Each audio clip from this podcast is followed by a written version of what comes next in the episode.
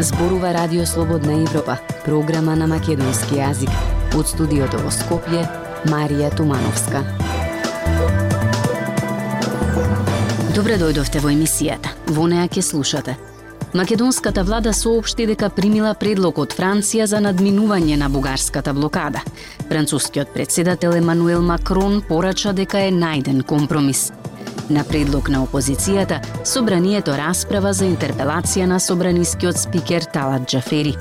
Во време на економска криза, кога цените на благородните метали растат, катализаторите на автомобилите стануваат лесна мета за кратците во Македонија.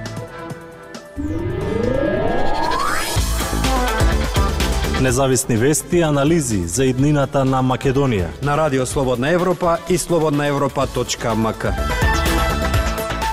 Францускиот председател Емануел Макрон изјави дека е уверен оти е најден добар договор меѓу Скопје и Софија за деблокирање на почетокот на преговорите на Северна Македонија со Европската Унија. Владата во Скопје најавува консултации со сите чинители во државата за да се донесе решение согласно стратегиските интереси на земјата и граѓаните. Ивана Стојкова До владата преку Министерството за надворешни работи од француското председателство пристигна предлог со идеи кои се однесуваат на нашите јавно изнесени позиции и ставови соопшти денеска владината прес-служба. Ова представува основа за отворање на широк консултативен процес најпрво со владата и коалициските партнери, а потоа и со председателот на државата, со парламентот и со опозицијата, како и со граѓанскиот сектор, експертската и сивкупна јавност во земјата, се наведува во сообштението. Од владата посочуваа дека одлуката за нашата иднина ќе ја донесеме заеднички мериторно согласно стратешките интереси на земјата и на сите неизини граѓани. Сакаме да упатиме благодарност до председателот Макрон и француското председателство за нивните напори да се надминат причките и да се зачува европскиот кредибилитет на Балканот, се додава во владиното сообштение. На пресконференција на самитот на НАТО во Мадрид, францускиот председател Емануел Макрон изјави дека е уверен оти е најден добар договор помеѓу Скопје и Софија. За прашањето на пристапувањето на Северна Македонија ги продолживме нашите консултации со македонските и бугарските власти затоа што нашата заложба за европската перспектива на Западниот Балкан е да можеме да ги отвориме првите поглавја за Македонија и Албанија. Врз основа на овие консултации уверен сум дека најдовме компромисно решение кое одговара на сензибилитетот на секој во интерес на Бугарија и на Северна Македонија, прифатлив за сите, изјави Макрон. Тој изрази надеж дека разгледувањето од двете страни во следните денови ќе го потврди ова. Од сега премиерот и председателот на Бугарија потврдија дека го прифаќаат предлогот. Прифаќањето ќе бара консултации во Скопје. Ова решение носи безбедност, предвидливост и сигурност за надминување на споровите наследени од минатото, потенцира Макрон. Го поздравувам решението на француското председателство со Европската унија за договор што ќе го отвори патот за старт на пристапните преговори со Северна Македонија, објави попладнево на Твитер председателот на Европскиот совет Шарл Мишел. Решението се однесува на изразените загрижености. Најблиску сме од кога и да сме биле досега. Сега е време да се каже да, додава Мишел во твитот. Македонската влада ги истакна своите црвени линии, јазикот, уставот, протоколот, историјата и рече дека е подготвена да разгледа нов предлог доколку таков биде ставен на маса. Пред два дена премиерот Димитар Ковачевски рече дека немало ништо ново во процесот со Бугарија и дека тоа е во рацете на Министерството за надворешни работи, а доколку има прифатлив предлог, тој ќе биде ставен пред институциите на државата. Францускиот предлог во предходно објавената форма предвидуваше бугарските услови за Скопје да станат дел од обврските на Северна Македонија кон Европската Унија, а Европската комисија да биде гарант за нивното спроведување. Оваа варијанта стана позната како француски предлог бидејќи дојде за време на француското председателство со Советот на Европската Унија. Францускиот предлог и на која трет обид за деблокирање на бугарското вето во изминатите две години. Забелешките на опозицијата и дел од експертската јавност беа дека таков каков што беше предложен францускиот предлог представуваше опасност за бугаризација на Македонија и давање алатка во рацете на Софија да го блокира и натаму напредокот на земјава во процесот на преговорите со Европската Унија. Слободна Европа. Следете на на Facebook, Twitter и YouTube. Во време на економска криза, кога цените на благородните метали растат, катализаторите на автомобилите стануваат примамлива мета за крадците во Македонија. Кражбата трае само неколку минути, а собственикот на возилото честопати не е свесен и дека бил ограбен. Прилог на Јасмина Јакимова. Економската криза и растот на цената на благородните материјали ги направи вредни за кратците катализаторите од возилата. Дел сместен до ауспохот, инако одговорен за прочистување на издувните гасови. Со ваква кражба неодомна се соочила Елена Николовска, која живее во центар. Возилото таа вечер го паркирала како и секогаш на паркинг наменат само за незината зграда. До тогаш немала ниту чуено дека некој се дрзнува среда ноќ од возилата да краде катализатори. Утрото кога требаше да на работа, јас се запалив колата и многу чудно, значи Фрмчење имаше викам ќе експлодира. Ја однесов директно на сервис. И после саат и пол ми се луат од сервисот и ми викаат господја вие сте ограбена. Катализатор и граната ви е исечена. Сервисирите ја советувале да пријави во полиција, но и кажале и дека кај нив дошле повеќе лица со ваков проблем од реонот на Карпоши центар, каде преку ноќ кратци им ги секле катализаторите без никој да ги забележи. Нов оригинален дел за незиното возило чинал меѓу 500 и 1000 евра.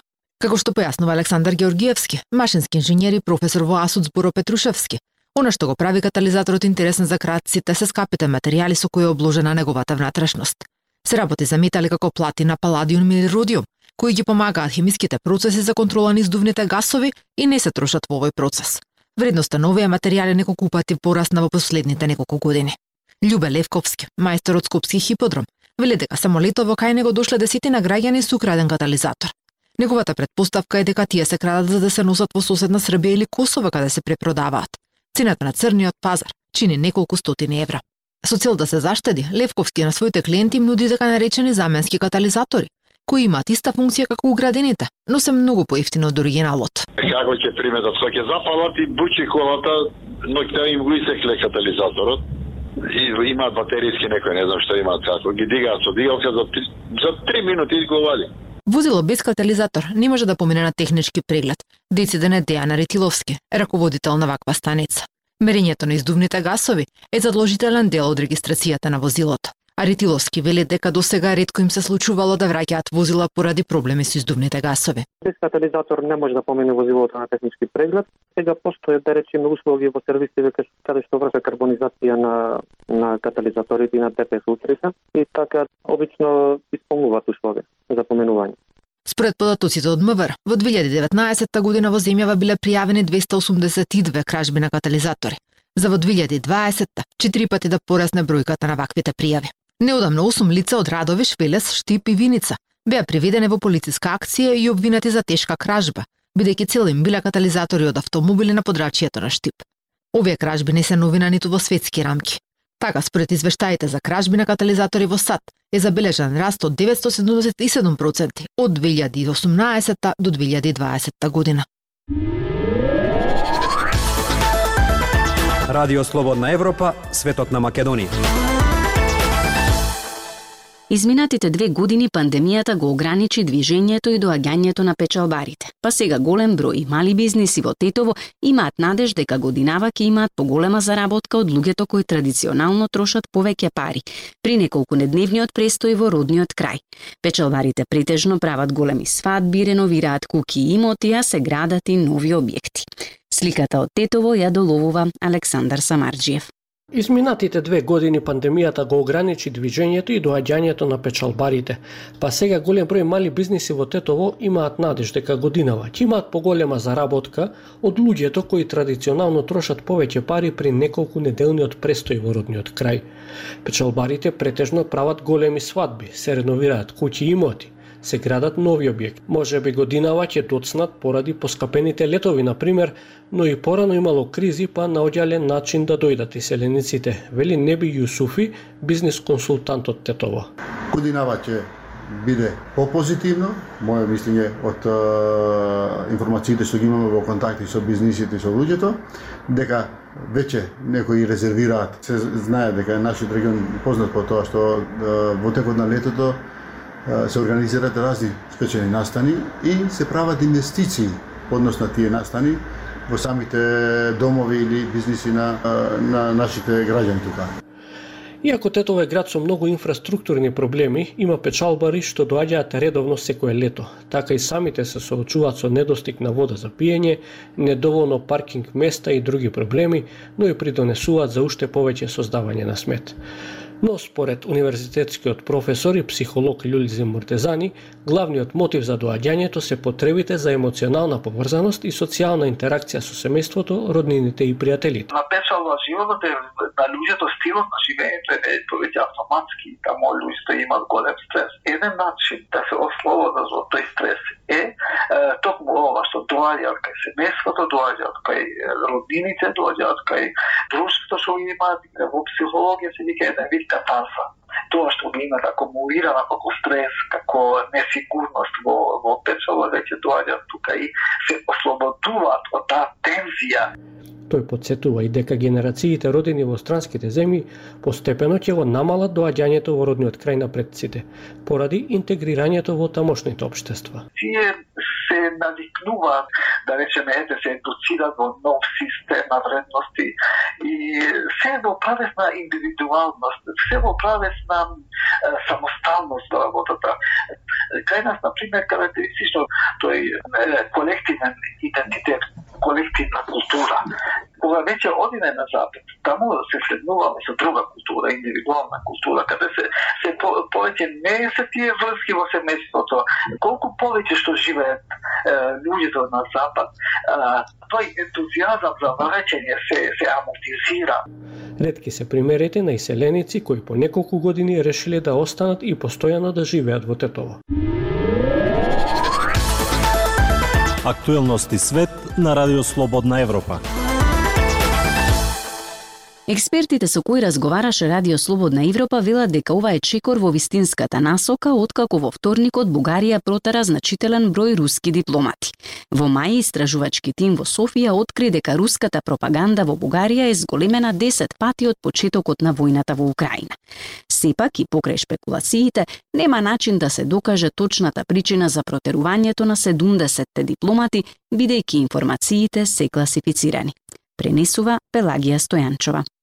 Се започна со Русија со тоа што ја прогласи Бугарија за непријателска земја, коментира Стефан Тарфов, поранешен амбасадор на Бугарија во Франција, Италија и Велика Британија и актуелен политичар од Демократска Бугарија.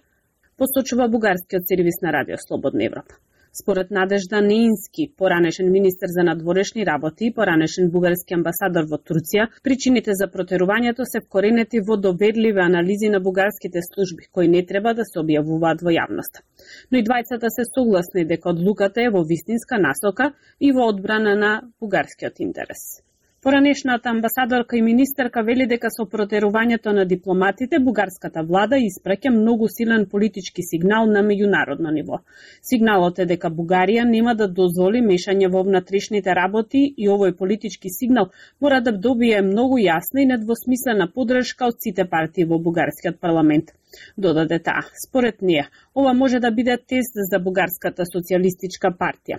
Во вторникот, лидерката на БСП, Корнелија Нинова, напиша на социјалните мрежи дека партијата категорично не се согласува со отповикувањето на дипломатите.